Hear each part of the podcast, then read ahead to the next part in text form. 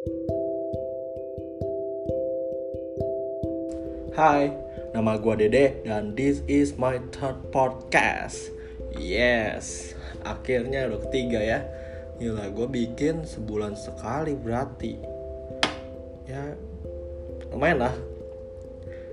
Eh, ini podcast yang ketiga dan hari ini judulnya semoga clickbait sih. Tapi gua harapnya clickbait. Eh, judulnya entrepreneurship kesepian. Ya, gue mau bahas ini sih. Tapi sebelum itu sekarang kalau misalnya kalian dengerin ini mas bulan mungkin Juli atau Agustus nah, gue bikin podcast ini tanggal 30 Juni. Berarti ini mas baru-baru transisi PSBB ke new normal. Nah gue sih merasa new normal itu merupakan sesuatu yang wajib dilakukan karena perekonomian Indonesia nih uh, bisa-bisa makin merosot terus. Uh, makanya dengan adanya new normal diharapkan adanya spending karena menurut gua pertumbuhan ekonomi ini, pertumbuhan ekonomi Indonesia nih dipengaruhi besar oleh pengeluaran atau konsumsi. Ya jelas saja. Soalnya kan penduduk Indonesia lebih banyak gitu. Kalau misalnya pengeluaran pemerintah belum tentu. Pengeluaran uh, investasi juga belum tentu. Belum ber, apa belum tentu berdampak. Tapi kalau misalnya spending misalnya gua beli beli nasi di nasi padang. Nah tukang nasi padang punya duit untuk beli beras di uh, pasar gitu kan. Pedagang beras di pasar bisa beli beras dari petani. Nah itu putaran duit tuh nah menurut gua new normal harus dilakukan. Tapi dengan syarat tetap melakukan protokol kesehatan. Karena pertumbuhan uh, penyakit penyebaran virus corona ini juga pas diganti nih jadi transisi new normal peningkatannya jadi jauh. Nah jadi teman-teman yang dengerin please banget tetap cuci tangan kalau bisa atau hand sanitizer hand sanitizer, pakai masker, physical distancing dan segala macam lah. Pokoknya protokol kesehatan tetap dilakukan. Jangan bodoh amat atau jangan uh, gua nggak takut corona, tapi orang bisa-bisa lo jadi karya terus malah bikin uh, keluarga lo yang kena, ya kan kampret itu. Nah kalau gua sih pas udah normal ya tetap jalanin bisnis kayak biasa yang mulai bergerak lagi nih yang apa sosial media agensi mulai bergerak lagi karena pasti ada calon-calon klien yang butuh kan. Terus Sleepy juga udah lumayan gede lagi mau digas bakal mulai endorse endorse uh, selebgram. Masih masih mau mikro sih jadi belum selebgram. Terus udah sekarang juga udah bisa meeting online. Eh meeting offline maksud gue udah bisa ketemu orang. Kemarin gue juga ada uh, ngobrol-ngobrol sama orang untuk cerita dan segala macam ya gitulah. Tapi uh, buat teman-teman yang dengerin ya stay safe ya. Apa pun yang kalian lakukan please stay safe. Karena nggak cuma diri kalian doang yang yang bah yang, yang bisa kena bahaya nih tapi orang di sekitar kalian. Jadi kalian mau nongkrong nih ya physical distancing. Jangan nongkrong 30 orang reunian se SMA dan segala macam. Ya gitulah. Ya pokoknya gitulah ya stay safe. Nah mau ke topik ini nih gue mau bahas topik jadi entrepreneur siap kesepian. Sebenarnya nggak cuman entrepreneur sih tapi orang yang punya jabatan tinggi juga bisa ngalamin ini ngalamin namanya kesepian. Apalagi uh, kita uh, gue gue nih tinggal di Jakarta gitu. Dan Jakarta tuh orang-orang itu sangat individualis. Bahkan kita aja bisa nggak kenal tetangga kiri atau kanan kita tetangga depan. Bapak gue RT gitu kan bapak gue RT tapi gue nggak kenal sama tetangga kiri kanan. Uh, depan untung satu SMA sama gue jadi kadang-kadang kalau misalnya ada mamanya keluar atau dianya keluar ya kadang-kadang gue cuman manggil manggil doang sih nggak hai apa kabar? dan segala macam.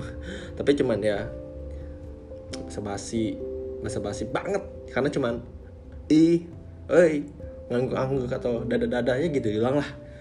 Nah di di Jakarta tuh gitu tuh individualis. Uh, kadang-kadang nggak peduli sama tetangga kadang-kadang nggak peduli sama orang yang kita nggak kenal. Bahkan kadang-kadang ya kalau dia lift kita nggak nyapa kan orang lain.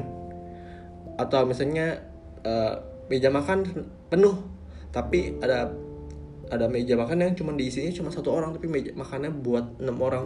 Kita nggak mau sharing kan kayak males banget sharing sama dia gitu kecuali terpaksa kan. Nah ini karena di Jakarta tuh sangat individualis. Beda banget kalau di kampung. Nih kalau di kampung nih kalau ada hajatan atau nikahan ya atau sunatan biasa tuh satu tetang satu RT tuh heboh. Nanti keluarga Kang Asep siapin nasi Mbah Surip siapin ayam. Pokoknya semuanya patungan itu. Misalnya uh, gue yang punya hajatan tapi tetangga-tetangga gue bisa kasih gue makanan kasih gue minuman kasih gue sewain tenda dan segala macam gitu. Uh, bangun rumah juga kadang-kadang ada yang kayak gitu di kampung. Jadi kadang-kadang ada orang yang saling nyumbang gitu loh. Kayak ibaratnya sih arisan ya kalau di apa kalau di sekarang kita kenal tapi di kampung tuh kayak gitu tuh. Gue nggak mendeskripsikan kampung ya. Tapi menurut gue kampung itu sangat apa ya gotong royong bisa kenal sama tetangga. Kalau misalnya ada yang sakit satu kampung bisa bantuin maksudnya jaga gitu loh. Uh, eh, gue beberapa kali datang gitu kampung mbak gue gue nggak tahu nih nama mbak gue juga siapa. Gue cuman tahu mbak Ece. Ece kan sebenarnya nama panggilan kayak mbak gitu kan. Nah tapi satu kampung itu tahu di mana tinggalnya gue dianterin. Padahal ini waktu itu malam-malam loh. Jadi gue dianterin sampai ke depan rumahnya gitu loh. Jadi sampai tahu kan. Nah itu kalau di kampung sangat sosialis. Jakarta enggak. Nah ada lagi. Manusia tuh tau nggak? Manusia makhluk sosial. Sebenarnya ini pelajaran SD sih. Ma manusia adalah makhluk bla bla bla bla bla diisi. Pilihannya A kampret B. Binatang C. Cuan D. Man sosial gitu kan Manusia kampret, manusia binatang Nah, manusia manusia sosial, makhluk sosial Jadi butuh teman cerita, teman ngobrol Ya gitu-gitulah Kadang-kadang main bareng dan segala macam tapi karena Jakarta itu individualis dan orang nggak mau ribet gue rasa tuh nggak mau ribet nggak mau basa-basi dan segala macam. Sadar nggak? Kalau misalnya kalau kita sendirian nih kalau kita sendirian lagi yang ngantri atau lagi apalah segala macam pasti kita buka HP kita cek apa? Cek sosial media cek instastory uh, ya cek misalnya marketplace atau segala macam padahal nggak ada yang harus dicek. Padahal kayak notifnya kosong tapi ya lu cek aja karena lu nggak ada kerjaan Nah beberapa kali nih gue temuin. Ada orang makan tapi HP itu nyala instastorynya nyala terus. Uh, aneh sih. Makan sambil liatin instastory orang ya.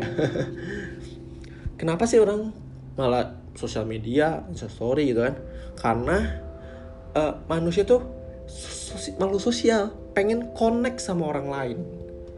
Tapi karena males gitu ya ngomong langsung apalagi yang ngomong langsung sama orang yang gak dikenal. Ya udahlah pakai sosmed aja yang seolah-olah jadi terkonek. Ya bener sih sosial media men, uh, mendekatkan orang yang jauh tapi menjauhkan orang yang dekat. Tentu gak? kalau zaman dulu nih apalagi bokap gua. Uh, kita lagi waktu itu ceritanya lagi mau ke puncak le lebaran ya. Ya otomatis kan puncak kalau zaman zaman lebaran tuh macet kan banyak orang yang pengen wisata ke sana macet. Macetnya macet total karena ada one way ada jalan one way dan segala macam gitu kan. Akhirnya uh, bokap gue turun ngobrol sama mobil yang setelahnya terus manggil gue jadinya gue bisa main sama anaknya gitu loh. Itu bokap gue coba kalau gue macet bodoh amat. Gue mendingan di aja di mobil. Dengerin radio kek dengerin podcast kek. Atau ya balik-balik mainin hp chat orang yang uh, gue gua kenal yang gue deket gitu. Nah terus berarti semua orang kesepian dong kalau begini. Apalagi orang yang tinggal di Jakarta atau orang yang tinggal tinggal di kota-kota besar. Menurut gue bisa menurut apa? Bisa semua orang tuh merasa kesepian. Ya ya karena ini. Walaupun di kampungnya bisa merasa kesepian. Tapi kenapa gue mau pakai judul ini sih? Ya ya tadi gue bilang gue ya semoga aja judulnya clickbait gitu. Menarik untuk orang buka. Tapi selain itu juga gue juga apa? Gue ingin menempatkan diri gue sebagai entrepreneur nih ya kan? Makanya judulnya menjadi entrepreneur siap kesepian padahal mah gue belum ada apa-apanya sih jadi entrepreneur. Bukan entrepreneur kayak oh ya? Kata entrepreneur itu sangat tinggi. Gue kayak di mana ya? Pelataran. Nah ini kalau mau ke rumah nih ini nih baru pelatarannya doang nih gue entrepreneur tuh ya. Sebagai ini gue mau bahas topik nih. Kenapa seorang entrepreneur atau bisa juga orang jabatan tinggi merasa kesepian jabatan tinggi itu uh, seperti kayak komisaris gitu ya. Komisa komisaris CEO di di root gitu apa direktur utama dan lain-lain gitu ya. Menurut gue dan ini juga gue uh, setuju dengan podcastnya yang pernah dibawain sama Yasa Singgi ya podcast Yasa Singgi zaman dulu lah udah lama. Itu karena orang yang senasib orang yang maksudnya senasib jadi entrepreneur atau orang yang senasib jadi CEO, orang yang senasib jadi komisaris itu lebih sedikit. Jumlah orangnya jumlah orang yang menjadi entrepreneur gitu kan itu jumlahnya sedikit. Jadi itu orang-orang yang senasib juga semakin sedikit. Nah kadang-kadang kita sebagai manusia tuh butuh obat. Maksudnya obat adalah ketika ini misalnya kita di sekolah ya terus kita dapat nilai 60 wah stres gue nilai gue kok 60 ya.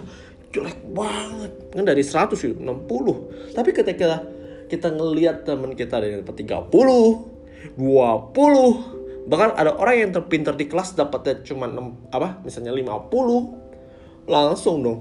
Dari yang tadinya stres gitu aduh kenapa nilai gue 60 tuh?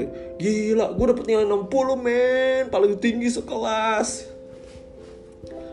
Nah ini kadang-kadang yang bikin kita uh, karena nggak ada yang orang senasib kita jadinya aduh gue nggak ada obatnya nih.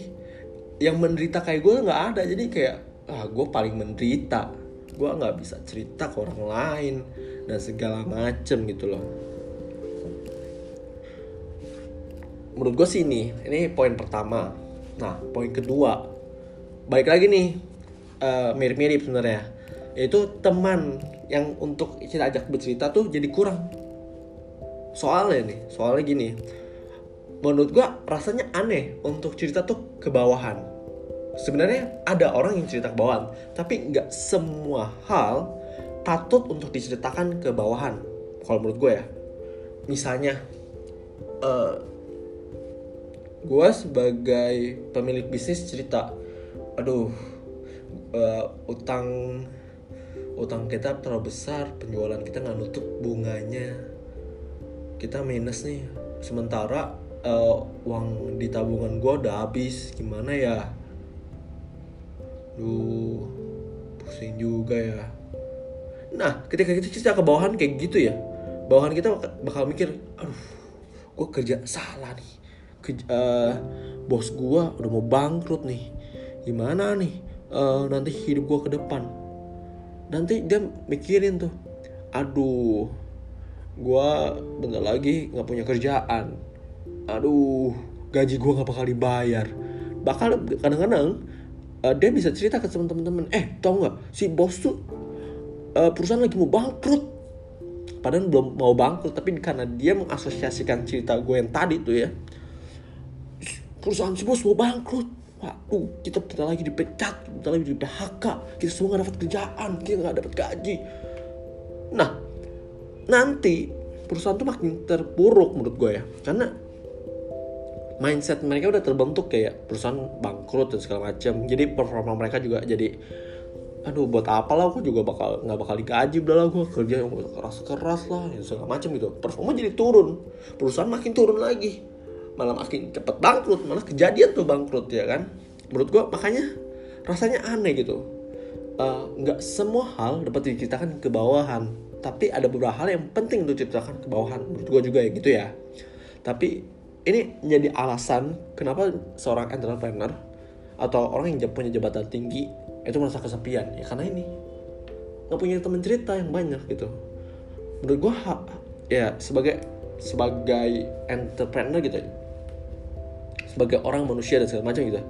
Harusnya kita mempunyai partner cerita yang selevel. Untuk untuk menceritakan semua hal. Terus kita punya juga teman yang di bawah kita. Untuk kita meng, apa, berbagi pengalaman, berbagi ilmu ke bawahan. Maksudnya orang orang yang nggak levelnya di bawah kita. Atau kita juga harus punya temen yang levelnya ada di atas. Untuk kita belajar, kita minta nasihat dan segala macam. Itu menurut gua. Nah, terus poin ketiga dan ini relate banget sama gua. Uh, menjadi entrepreneur itu bisa menjadi merasa kesepian karena penyebabnya diri sendiri penyebabnya diri dirinya sendiri biasanya ya atau gua itu punya drive yang apa ya uh, punya dorongan untuk maju gitu untuk berbuat something dan segala macam gitu.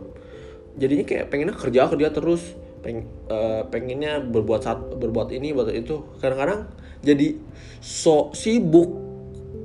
Eh dek nongkrong yuk. Aduh gue gak bisa gue harus gini gini gini. Padahal sebenarnya ya nggak harus dikerjain sekarang juga bisa dipending gitu loh. Uh, jadi bisa nongkrong tapi karena punya drive yang ngerjain sesuatu dan segala macam ini kita lebih kerjaan dan pas diajak kita nolak gitu. Nah itu drive-nya ya. Uh, pengen maju pengen berkembang jadinya nggak punya waktu santai atau waktu nongkrong sama temen-temen gitu loh. Malah kadang-kadang kayak nongkrong sama temen uh, ah temennya begini pasti cuma ngobrolin cewek. Ah temennya gini pasti ngobrolin tentang uh, sekolahan kuliahan. Malesan nongkrongnya. Nggak faedah. Pasti ada ada ada apa kayak gue ah, aduh males gue ngobrolnya gue jadi salam leader aja lah. Gue nggak mau ikutan ah udahlah gue balas ikutan berarti mendingan gue kerjain. Jadinya gue izin aja lah skip untuk ketemunya meeting dan segala macam. Nah itu gue sering tuh kayak gitu tuh. Gue merasa kayak ah ngobrol kayak gini kurang. Apalagi di tempat yang gue nggak nyaman. Males lah gue ikut-ikut. Udahlah gue mendingan kerjain aja di rumah. Segala sesuatu gitu kan. Nah, ini juga yang malah makin tambah kesepian. Karena ketika kita nggak ikut nongkrong ya, terus orang lain nongkrong, kita tuh kayak ketinggalan, ketinggalan gitu loh. Ibaratnya kita lagi um, lagi kuliah kan, uh, pertemuan satu belajar penjumlahan, pertemuan kedua belajar pengurangan, uh, pertemuan ketiga belajar asosiasi apa penjumlahan asosiasi gitu kan. Nah, karena kita skip kelas 1, kita nggak tahu penjumlahan, tiba-tiba ada penjumlahan di asosiasi, kita nggak ngerti gitu kan, skip jadinya. Nah itu kalau kita skip nongkrong, kadang-kadang kalau ikut nongkrong lagi malah makin males, karena kita makin nggak ngerti. Terus makin nggak ngerti lagi, kita makin males lagi, makin males lagi, makin nggak ngerti. Jadi menurut gue ya harus nongkrong sih. Nah terus sebenarnya gue juga punya pengalaman pribadi nih uh, pengalaman pengalaman gue sendiri lah uh, tapi bisa dibilang entrepreneurship kesepian karena kan gue entrepreneur. Jadi masih bisa lah ya. Nah jadi uh, menurut gue kenapa gue merasa kesepian gitu? Gue takut penolakan penolakan sebenarnya. Gue takut untuk memulai sesuatu. Gue takut orang ngomongin gue uh, image gue jadi buruk dan segala macam gitu. Jadinya utamanya sebenarnya gue takut penolakan nih uh, jadi ya udah gue malas bangun relasi temen deh. Relasi pertemanan gue malas gitu. Akhirnya temennya dikit. Ya ya karena gue takut penolakan. Jadi kalau gue yang mulai gue takut. Gue nggak inisiatif gue jadi nggak ada. Uh, malah orang harus deketin gue dulu nih baru bisa jadi temen. Beneran gue cerita unik nih. Di kuliah gua mungkin mungkin ya kalau gua nggak kenal sama satu orang temen gue cuma satu. Iya cuman temen PKK apa? Ospek ospek pengenalan kampus. Teman apa? Temen gue cuma satu. Tapi gara-gara gue kenal sama ini orang nih uh, dia datengin duduk gue uh, pertemuan pertama ngajakin gue kenalan akhirnya gue jadi temen. Jadi temen gue di kuliah ada ini circle gue ada empat tapi uh, yang sering apa namanya, ngobrol dan segala macam ya jadi ayo lumayan mungkin sembilan delapan gitu ya. Lumayan lah ya. Yang gue nggak di kuliah gue males untuk mulai pertemanan gitu kan. Terus lebih parahnya lagi adalah kan gue udah males nih untuk mulai. Jadi orang yang harus datengin gue dong untuk ngajak mulai pertemanan gitu. Nah gue tak mengizinkan orang maksud gue ini gue pilih-pilih orang gue pilih-pilih orang. Ini ada orang yang mau deketin gue untuk jadi temen nih. Tapi menurut gue dia nggak. Dia kurang ini nih. Ah, gue temenan dia males ah pasti nanti diajaknya begini doang. Ah itu tuh. Gue kayak pasang tembok tinggi tinggi jadi orang mau masuk pun susah gitu. Jadi kayak apa ya? Kayak harus gue punya temen eh untuk menjadi temen gue selain mereka yang baru usaha deketin gue tapi uh, step yang penting lagi adalah gue harus ngizinin jadi temen gue ah ya mak makanya gue teman gue dikit banget. Terus uh, kenapa sih gue takut penolakan gitu? Sebenarnya gue pengalaman gue nih dimulai dari SD gitu. Gue mau curhat nih. Pengalaman takut akan penolakan gue sebenarnya bermula dari SD yaitu uh, kayak gue punya kayak sekelompok teman gitu ya. Mungkin ada empat atau lima orang gitu kan. Terus mereka pakai kacamata semua. Kira gue pengen ikut-ikutan tuh pengen karena gue pengen deket sama mereka. Uh, yaudah gue beli kacamata. Terus uh, kalau istirahat barengnya sama mereka dan segala macam gitu. Tapi karena gue istirahat pertama tuh ya karena gue selalu diantarin makanan jadi kadang-kadang tuh gue makan nggak bareng mereka. Gue makan di tempat nyokap gue antarin makanan terus tempat makannya langsung gue kasih ke nyokap gue sambil nyokap gue jualan. Nah tiba-tiba kayak waktu kelas berapa ya? Kelas 3 atau kelas 4 jadi ada nama guru nama guru gue Bu Ira dia setiap hari tuh suka main game nih. Main gamenya kayak uh, nanti dua kelompok maju nanti suitan untuk jawab teka-teki gitu. Jadi belajarnya kayak gitu tuh sama Bu, Bu, Bu Ira. Thank you Bu Ira. Nah tiba-tiba kan ini geng apa yang gua anggap geng gua nih maju nih. Terus uh, gue mau main dong makanya eh pilih gue dong pilih gue uh, nggak nggak dipilih gue dia bilang lu kan bukan kelompok. Wah. Dari mulai dari itu tuh. Ya udahlah uh, teman gue gue gak mau banyak temenan. Males temenan. Sekarang sakit hati kan lagi masih SD ya habis itu ada pengalaman lagi kayak di SMP di SMA di kuliah untungnya enggak karena gue udah udah fuck up sama pertemanan jadi kayak bodo amat gitu. Malah yang paling bodohnya adalah gue tutup pas kuliah tuh gue tutup. Jadi kayak ada orang nggak uh, awal kuliah pasti pengen dong punya teman yang pinter gitu kan uh, ngajakin gue dek belajar belajar bareng yuk. Ajarin gue uh, start bis gitu kan. Ya gue puji tuhan gue lumayan lah gue bisa uh, ngerti gitu kan. Ngerti lebih cepat tapi ada orang orang yang nggak nggak nggak sama kayak gue jadi ada minta orang ajarin sama gue gue alasannya ada aja. Terus yang paling bodoh adalah alasan aduh gue harus pulang cepet karena gue mau cek darah. Gue kayaknya lagi sakit tipes. Gue udah janjian sama dokternya. Ini bullshit gak sih lo dengarnya gue juga waktu itu ngomongnya bodoh juga ya. Tapi gue sampai parah separah itu tuh gue melakukan penolak apa penolakan untuk temenan gitu loh. Nah kalau menurut gue ya lu dengerin podcast gue sampai akhir. Masa nggak dapet apa-apanya gitu lah ya ya setidaknya dapet lah uh, setitik gitu setitik pencerahan. Ya semoga ke depannya bisa jadi apa yang sebelumnya bisa jadi pengalaman. Nah ini gue mau naik kesimpulan nih.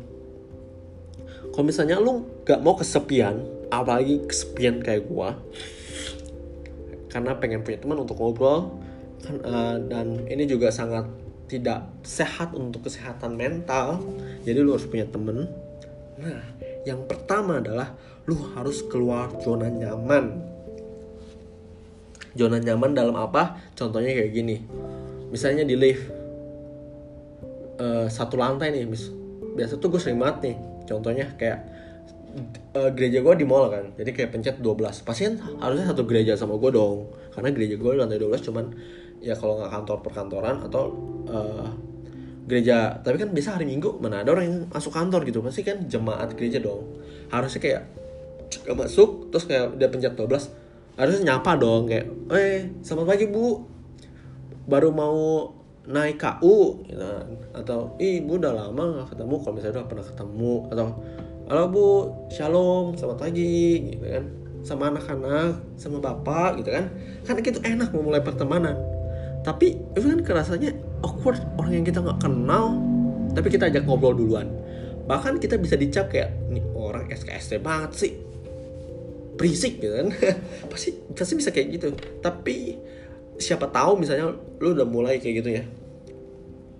Mulai untuk keluar dari zona nyaman lu nggak tahu itu bisa jadi siapa tahu bisa jadi partner partner kerja partner bisnis atau bisa jodoh. Misalnya uh, aduh gue nggak mau cut udah amat lu dengerin suara bangkis gue misalnya lu ketemu pamannya nih pamannya banyak ponakan uh, calon istri lu kan lu nggak tahu atau calon suami lu kan lu nggak tahu gitu kan tuh harus mulai keluar dari zona nyaman. Kedua menurut gue lu harus mulai uh, apa ya?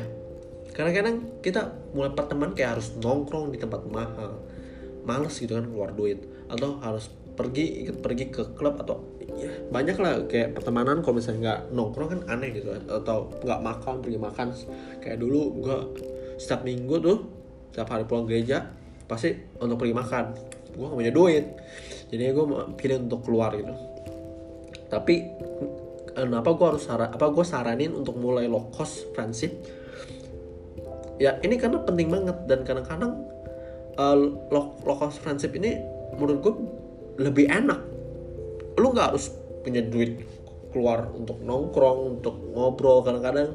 Cuman pergi ke warkop minum kopi 3000 tapi cerita atau pergi ke kopi-kopi yang ya kayak kopi janji jiwa, kopi kenangan dan segala macem pakai pakai e-wallet cashback lebih murah misalnya cuman lu beli kopi hitam jadi 8000 gitu kan.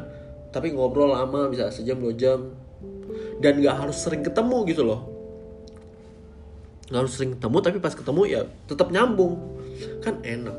Dan ketika uh, punya low, low friendship maintainnya lebih gampang. Nggak harus chat tiap hari misalnya yang kabar. Tapi ya misalnya dia ulang tahun ya lo capin atau dia uh, ngeraih. Misalnya dia cerita gue pusing sama skripsi gue tapi pas dia lulus ya lo ucapin lah say wah congratulations skripsi lu udah kelar. Ya tapi kan nggak harus chat dan nggak harus pergi setiap minggu. Dan kalau pergi pun nggak harus tempat mahal. Low cost friendship nggak punya duit gitu. males keluar tapi tetap punya temen kan gitu kan? Gue juga ada nih temen lost, lost friendship gitu loh. Ya gue sih bersyukur lah. Nah terus yang ketiga sebenarnya nyambung nih sama poin pertama yaitu inisiatif untuk basa-basi. Tapi poinnya adalah menurut gue worth it untuk dicoba untuk berani basa-basi karena mayoritas masyarakat Indonesia itu ramah. Ramah beneran baik gitu. Misalnya lo ajak ngobrol pasti dia walaupun dia merasa aduh gue nggak mau diganggu sih tapi ya udahlah gue ladenin aja. Tapi ketika ya kan ada maksudnya ada peluang gitu misalnya orang luar apalagi uh, kalau setahu gue orang Jerman orangnya males gitu. Hey uh, what do you think about my my my OTD ya ah ini orang sok-sok ngomong Inggris belepotan Asia lagi. Rasis ya. Nggak boleh ya guys. Rasis. Uh, orang luar bakal lebih kayak manas banget kok ngurusin gue nggak kenal ngapain dia nanya nanya OTD ke gue emang gue fashion designer. Gitu kan? Tapi kalau Indonesia lu tanya kayak wah dijawabin. Kadang-kadang suka iseng gitu sama mbak mbak apa namanya mbak mbak pegawai mbak foto apa misalnya minta apa? Banyak lah gitu kan. Kadang-kadang dijawabin dan ramah gitu. Peluang untuk ngobrol jadi lebih gede. Misalnya kalian ke naik kereta gitu kan yang ekonomi lah atau misalnya naik pesawat kan aisle ada apa? Banknya tiga ya selama perjalanan mungkin kalau misalnya dia ngapa-ngapain yang ajak ngobrol itu bisa lebih terjadi sama orang Indonesia daripada lu ngobrol sama orang asing. Tapi gue nggak bilang orang asing semuanya. Nggak ramah ya ada mayoritas gitu terus yang ketiga yaitu cari komunitas yang sejenis lu. Ini sebenarnya ada juga poin-poin yang di atas yang gue sebutin. Nah, sejenis kenapa harus sejenis? Karena kayak sepenanggungan senasib dan segala macam.